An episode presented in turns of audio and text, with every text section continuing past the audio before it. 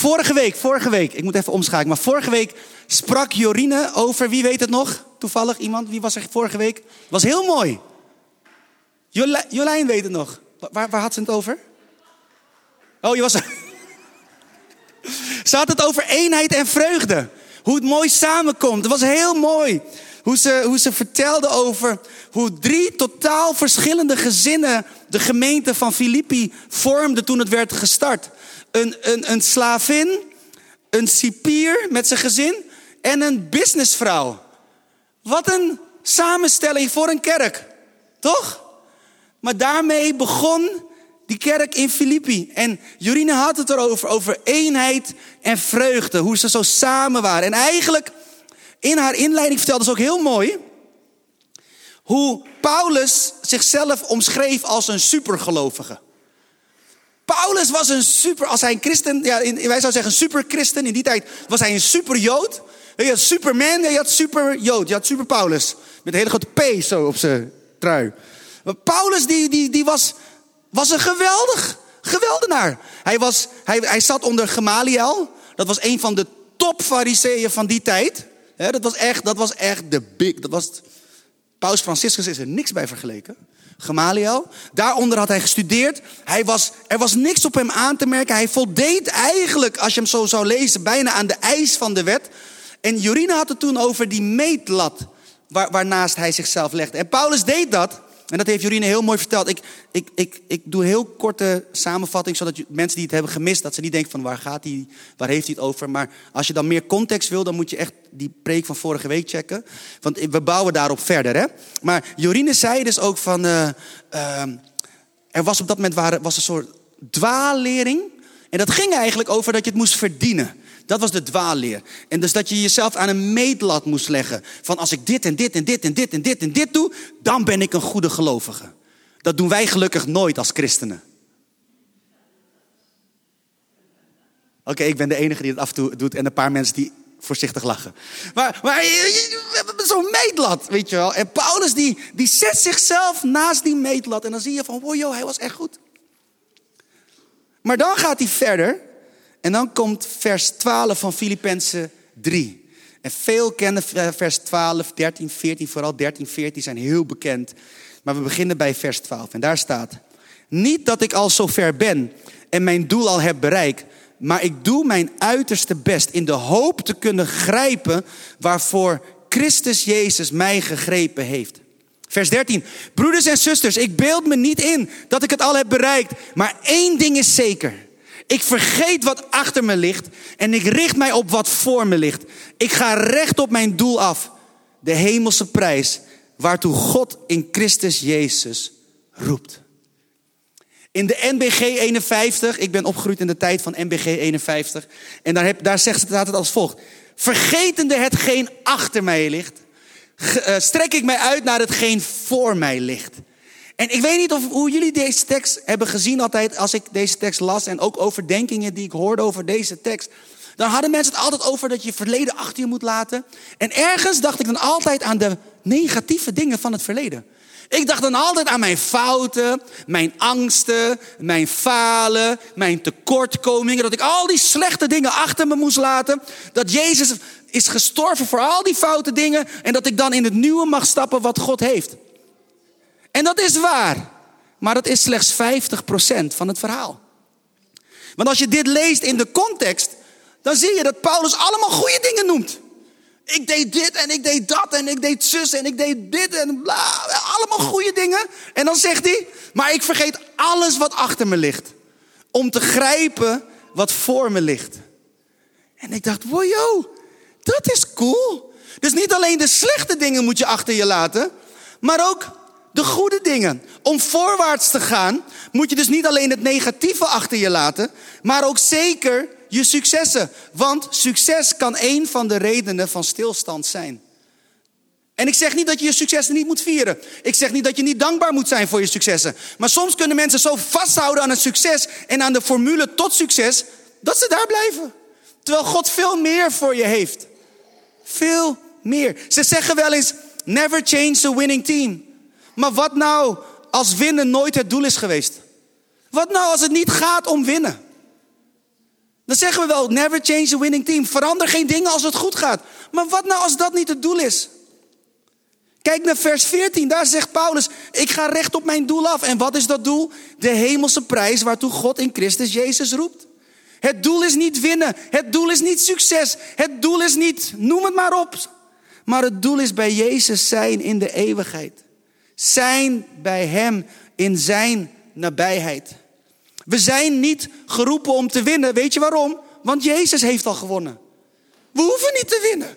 Hij heeft gewonnen. Hij heeft de prijs behaald. Hij heeft alles gedaan. En wij mogen met Hem zijn en met Hem leven. We zijn geroepen om bij Hem te zijn. En in die reis kan het niet anders dan dat we veranderd worden. Steeds meer van binnenuit. Niet gedwongen vanuit externe motieven, maar gedreven vanuit een intern verlangen om bij Jezus te zijn, omdat Hij bij ons is. En die is ook zo leuk. Ik wil bij Jezus zijn omdat Hij bij mij is. Snap je een beetje wat ik bedoel? Want Jezus is altijd bij ons. En soms zeggen mensen ook, ja, Hij is overal, Hij is er altijd. Dat klopt. Maar wanneer ik de keuze maak om bij Jezus te zijn, dan focus ik op Hem. En dan helpen liederen als Caught up in your presence. I just want to sit here at your feet. Caught up in this holy moment. I never want to leave. Dat soort liederen helpen mij om weer te focussen op Jezus.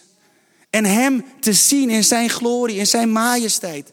En dat heb ik nodig. Liederen als Ik wil terug naar het hart van aanbidding. Want dan gaat het om U. Om U alleen, Jezus. Dat soort liederen helpen mij om weer de focus te hebben van... Heere, U bent bij mij, maar ik wil bij U zijn. Ik wil dit moment hebben van fellowship. Ik wil dat moment hebben dat we echt bij elkaar zijn. Dat ik mag zijn bij u. Je had vroeger een liedje. Toen ik opgroeide. Ik denk, ik was tiener. Toen had je Ron Canoli. Kent iemand Ron Canoli? Ron Canoli, echt. Als je Ron Canoli kent, ben je oud. Maar, grapje. Maar hij had het lied. Uh, in het Nederlands zingen we. Oh, de glorie van uw wezen doet vervullen die vrezen. Uw naam is veel te hoog ingezet. Nabijheid, o hier. En dan gaat de tekst verder. Brengt aanbidding steeds meer. Weet je, de nabijheid van Jezus, de nabijheid van God, dwingt ons, beweegt ons om Hem te aanbidden. En dat heb ik nodig. Gedreven vanuit een intern verlangen om bij Jezus te zijn, omdat Hij bij ons is. Maar ik heb hier opgeschreven in mijn aantekeningen, je gaat te snel en dat klopt. Dus ik moet even een stapje terug. Paulus zegt namelijk dat hij zich niet inbeeldt dat hij het al heeft bereikt. En we hebben het hier over Paulus, hè? Paulus, Paulus. Ik bedoel, als ik het had gezegd, dan kan je zeggen, oh, dat weten we. Gil, je bent best open over je falen. En ja, dat weten we. Maar Paulus, Paulus. Paulus die verantwoordelijk is voor het grootste deel van het Nieuwe Testament. Paulus. Paulus, de man die God heeft toevertrouwd om het grootste gedeelte van het Nieuwe Testament te schrijven. Paulus. Ik bedoel, die kerel was gewoon Bijbelschrijver. En het is waar, de Bijbel heeft heel veel schrijvers, maar Paulus heeft heel veel geschreven. Echt waar. Paulus zegt dat hij zich niet inbeeldt dat hij het al heeft bereikt. Paulus. Maar zelfs deze held dus beseft dat hij het niet heeft bereikt. En laat dat voor ons een reminder zijn tot nederigheid. En nederigheid heeft niets te maken met je uiterlijk, met de woorden die je zegt of de dingen die je doet. En ja, die dingen kunnen gestuurd worden door nederigheid. Maar in essentie gaat nederigheid om de houding van je hart. We hebben het nodig om continu bij God te zijn, want dat maakt ons nederig. Ik weet niet van jou, de enige remedie tegen mijn hoogmoed is zijn bij Jezus. Echt waar. Want dan, dat is de medelat waar Jorien het vorige week over heeft gehad. Jezus, hij is de standaard. En als ik bij hem ben, dan denk ik, wow, ik schiet zo tekort. En dat maakt me nederig. Dat maakt me nederig. Dat is nederigheid. Vorige week deelde Jorine dus ook al over die dwaalleraars die actief waren. Over het nauwgezet volgen van regels en voldoen aan patronen. En ook in dit leven zullen we mensen tegenkomen die zich voordoen alsof ze all that zijn. En alles op een rijtje hebben. Voldoen aan het plaatje en meer. Die mensen zijn imposant. Die waren er toen en die zijn er nog steeds. Je komt ze altijd tegen en dat is oké. We moeten ze niet veroordelen, we moeten van ze houden. Maar dat doet Jezus ook. Weet je, we moeten ze niet wegduwen, maar we moeten ze omarmen. Want dat zou Jezus ook doen. Maar Paulus zegt hier dat hij het nog niet heeft bereikt. En dat spreekt, daarmee spreekt hij ook deze mensen aan. Want als Paulus het nog niet heeft bereikt, dan is dat een boodschap aan de gelovigen die deze brief ontvangen om te beseffen dat zij het ook zeker nog niet hebben gegrepen. Bedoel, als hij het nog niet heeft gegrepen, hebben zij het zeker ook nog niet gegrepen. En ik durf zo ver te gaan met zeggen, door te zeggen dat als Paulus zegt, ik heb het nog niet gegrepen, dat wij hier allemaal het nog niet hebben gegrepen. En dan kan je denken, maar Gil, dat is wel heel hopeloos. Nee, helemaal niet.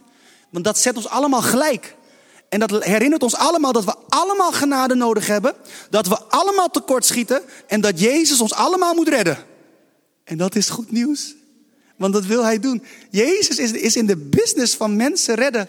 Dat is zijn ding. Mensen die dood waren, levend maken. Naar de Vader brengen, in zijn tegenwoordigheid brengen. En hun omarmen, hun bedekken, zodat wij niet vergaan wanneer wij bij God zijn. Dat is wat Jezus doet. Dat is wat genade doet. Dat is die, die, die genade die ons optilt. Die, die liefde die ons bedekt. Die vrede die ons omringt. Dat is wat Jezus doet. We hebben het nog niet gegrepen. Wat hebben we niet gegrepen? Dat perfecte leven. Waar je volledig voldoet aan alle eisen en alle regels van God. Maar dan komt het. Dat perfecte is helemaal niet het doel. Want wie, wat is het doel? Jezus is het doel. En wat een troost dat wij in onze gebroken staat Jezus als doel mogen hebben. Echt mensen, dit is echt genade. Echt, we waren echt hopeloos als Jezus had gezegd, om bij mij te zijn moet je voldoen aan mijn standaard. Moet je voldoen aan mijn wie ik ben. Als Jezus, als Jezus attitude had, hadden wij een probleem. Maar hij kwam als een dienaar. Hij kwam om ons te dienen. Dat is sowieso een voorbeeld. De schepper van hemel en aarde werd het laagste van het laagste, zodat hij ons kon ontmoeten. Dat is Jezus. Wat een troost dat we in onze staat bij Jezus mogen horen. We hoeven niets te worden, maar we mogen zijn en vanuit dat zijn mogen we achter Hem aangaan. Hou op met jezelf te leggen naast een lat die jou alleen maar teleur zal stellen. Maar ga staan in Zijn licht, Zijn liefde en Zijn acceptatie. Want jij bent genoeg. Weet je waarom? Want Jezus is genoeg. Weet je, het is wel belangrijk, want als we zeggen je bent genoeg, je bent genoeg, dan moeten we ontdekken dat, en snappen en in ons hoofd en in ons hart prenten dat we genoeg zijn. Niet omdat wij genoeg zijn, maar omdat Hij genoeg is. Snap je dat? Dat is het. Jezus is meer dan genoeg. En dan dus zegt Paulus dat hij vergeet wat achter hem ligt. En wat ligt er achter hem? Zijn trots op zijn Joodse afkomst. Wat hij bereikt heeft binnen het Jodendom. Zijn oude leven en ook zijn zonde. Hij laat zijn successen en zijn falen achter zich. Alles, maar dan ook alles laat hij los om vooruit te gaan. En de woorden die Paulus gebruikt, dat zijn de woorden die toen werden gebruikt om Olympische atleten te omschrijven. Dus hij gaat als een atleet, gaat hij recht op zijn doel af. Ik heb het wel verteld, maar jaren geleden mocht ik een marathon lopen op Zumba. En niet alleen, Caressa was er ook, die rende ook mee. Lisbeth was er ook. Die hebben allebei een halve marathon gedaan. Is ook natuurlijk heel gaaf, heel ver. 21 kilometer onder de brandende zon. En Marjolein, Marjolein die zat toen nog bij ons in de kerk. Die is inmiddels getrouwd. Woont nu in Zuid-Holland. En uh, met Mart, die is trouwens heeft ontmoet tijdens de Muscatlon. Zij heeft 42 kilometer gerend. En ik weet nog heel goed dat toen we begonnen was iedereen blij. Weet je nog Lies? Iedereen was blij. Was het echt zo'n, bijna zo'n echt zo'n geladen atmosfeer. We gingen toen, werd een liedje gedraaid, iedereen knielen, iedereen bidden. Het was super mooi. Het was ook nog cool. Het was om half vijf ochtends, volgens mij of vier uur ochtends. Het was maar 20 graden op Zumba. En iedereen dacht, jee, we gaan die marathon nelen, jongen. We gaan het doen. Voor Jezus en voor die kinderen, voor elkaar. We gaan het doen. Toen kwam de zon op, om uh, zes uur. En toen werd het enthousiasme al een stuk minder. Want Zumba werd heel snel 30, 35, 38 graden. Luchtvochtigheid was hoog. Het was niet zo vlak als Nederland. En ik begon rennend. Mooi tempootje, 10 km per uur. Toen ging ik joggend. Ook oké, 8 km per uur. Toen ging ik naar lopend. gegeven moment ging ik naar een soort van kruipend. ik had pijn. Ik had echt pijn. Ik dacht echt, waar ben ik aan begonnen? Heer Jezus, kom terug nu. Maranatha. Jezus, kom spoedig. Maar waarom deel ik dit? Ik weet nog wel, toen ik zo aan het racen, of aan het rennen was, of aan het lopen was, aan het kruipen was. Toen ik daar bijna was, weet je, nog, nog één kilometer. Je had maar één doel voor ogen. Dat was die streep halen. Dat is het enige wat ik wilde. Alles kon me. Zelfs die kinderen voor wie ik rende, boeide me niet meer. Niks boeide me meer. Ik had geen liedjes over Jezus meer in mijn hoofd. Ik had niks meer in mijn hoofd. Ik dacht alleen, nog één kilometer. Daar is die streep. Dus je krijgt een soort tunnelvisie waar je u tegen zegt. Je gaat helemaal zo narrow focus en woem, je ziet alleen maar die route. Als mensen me zouden groeten, ik zou ze niet eens niet omdat ik hoogmoedig was, maar ik zag niks anders meer dan de finish. En die focus, die focus bedoelt Paulus als hij zegt: Ik ga recht op mijn doel af, Jezus. En hoeveel van ons en hoe vaak, en ik zelf ook, zeg: Ik ga achter mijn doel aan, dat is Jezus. Maar ondertussen zie ik nog alles wat er omheen gebeurt. En deze tekst herinnert mij eraan: Nee, Gil, denk aan die marathon. Denk aan die visie die je toen had. Dat alles je gestolen kon worden, behalve die streep. Dat je bij jezelf dacht, ook al, al val ik hier 100 meter voor die streep neer, ze moeten me maar sjouwen over die streep. Die streep ga ik halen. Alles wat telt is die streep. Ik bedoel, alles was al op. Mijn, bars waren op. Je had het allemaal van die bars, hè, van die energy bars en dingen bars en jelletjes. Alle jelletjes waren op. Alles was, het was op, jongens. Ik kon niet meer. Echt, in het Surinaam zouden ze zeggen, ik was dede. Dat is dood. Het was klaar. Het was echt klaar. Maar die focus daar heeft Paulus het over. Dat is het beeld dat Paulus schetst. Alles vervaagt, alleen Jezus blijft over. En als we het hebben over een liedje, is dat liedje ook. Turn your eyes upon Jesus. Look full in his wonderful face. And the things of earth will grow strangely dim. In the light of His glory and grace. Dat, dat wanneer je ogen richt op Jezus, dat al het andere langzaam vervaagt. Dat is die focus die we moeten hebben. En dat lukt soms en dat lukt soms niet. Maar ik wil je aanmoedigen, ga ervoor. En ik geloof oprecht dat je God mag vragen: Heere, help mij om alleen U te zien. Afgelopen donderdag waren Sharon en ik in het theater om een vriendin van ons te zien die met haar show toert door Nederland. En het was heel mooi, zo'n theater heb je lichten, hè? lichten. En, en op een gegeven moment zag je de hele band. En dan was er een stukje, was heel gevoelig, waar alleen zij in beeld moest staan. En toen ging al het licht uit en één spot op haar. En toen dacht ik, ja, dat mag ik ook aan God vragen. Heer, wilt u het licht uitdoen op al die andere dingen die mij afleiden van u? En wilt u de spot alleen op u hebben? Wilt u me helpen om alleen u te zien. Want dat is waar we voor gaan. Jezus en Jezus alleen. Dat is de prijs die we willen halen. Zijn bij Jezus. En lieve mensen, zoals we hier bij elkaar zijn, geloof ik dat er mensen zijn die hun verleden mogen laten rusten. En ook als je thuis meekijkt, ik kijk even deze camera in. Als je thuis meekijkt, ik geloof dat er mensen zijn die hun verleden mogen laten rusten. En zoals ik al zei, het gaat niet alleen om de slechte dingen. Het gaat niet alleen om het vergeten van de pijn en het vergeten van alle dingen die verkeerd gaan. Maar het gaat ook over de mooie dingen. Dat je alles mag laten rusten bij Jezus. Vandaag is de eerste dag van een nieuw seizoen. Een seizoen van leven, van hoop en van vreugde. Een seizoen van eenheid, van overwinning en van groei. Maar om in dit seizoen te kunnen stappen, moeten we het verleden achter ons laten. Ons succes en ons falen, onze vreugde en onze pijn, de dingen waar we trots op zijn en de dingen waar we ons voor schamen. Vandaag is een nieuwe dag en de uitnodiging van de Heer klinkt. Wil jij achter mij aangaan met alles wat je bent? En daar wil ik voor bidden. Weet je, we kunnen met elkaar lachen, we kunnen met elkaar praten, we kunnen met elkaar connecten, we kunnen van alles doen met elkaar. Maar uiteindelijk is het zo belangrijk dat we als kerk, als community achter Jezus aangaan. Want in Hem vinden we onze eenheid. In Hem vinden we onze verbondenheid. In Hem kunnen we elkaar accepteren met onze gebreken, met onze tekortkomingen. En je gaat ze tegenkomen. Iedereen hier lijkt lief totdat je echt close met ze wordt. Dan zijn ze nog steeds lief, maar zijn ze minder perfect. Echt waar. Als je mij niet kent, ik lijk echt leuk. Echt waar, ik weet het. Dit is een goed moment om ja te zeggen. Maar vraag Sharon hoe misselijk ik kan zijn. Ik kan echt misselijk zijn. Ik kan echt vervelend zijn. Irritant. Mijn dochters zeggen dat ik heel irritant ben. Ik zeg dat ik een zegen voor ze ben en dat God me helpt om hun sterker te maken. Om tegen de teleurstellingen van het leven te kunnen. Maar echt, mijn dochters kunnen echt zeggen: Papa, je bent zo irritant, maar we houden van je. Maar soms schamen we ons voor je. Echt tof. Leuk. Ja. Maar ja, dat, dat is zo.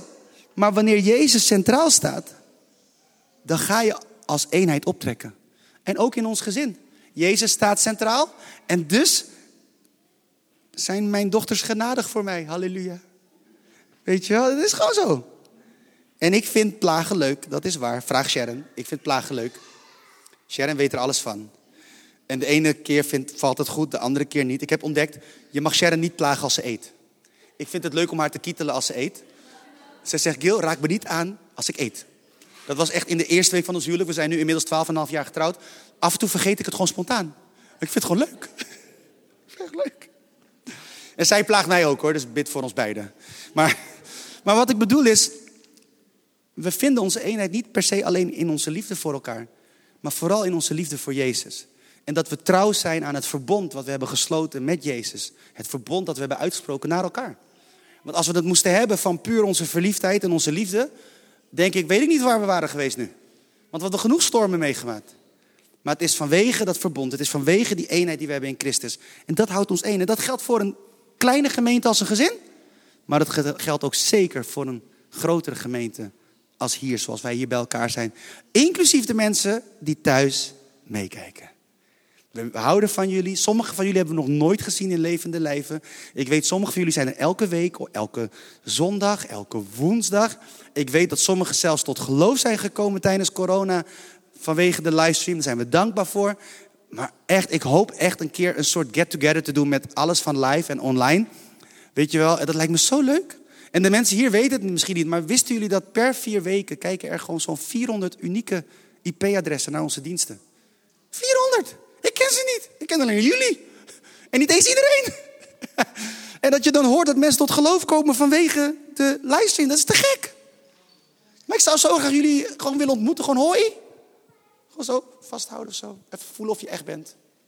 Zoiets. Lijkt me leuk. Maar goed. Oh ja, en voor de mensen die online kijken en denken van... oh ja, ik wil me ook laten dopen. Zometeen hebben we een leuke mededeling, maar ik vertel hem nu alvast. 11 december hebben we een doopdienst.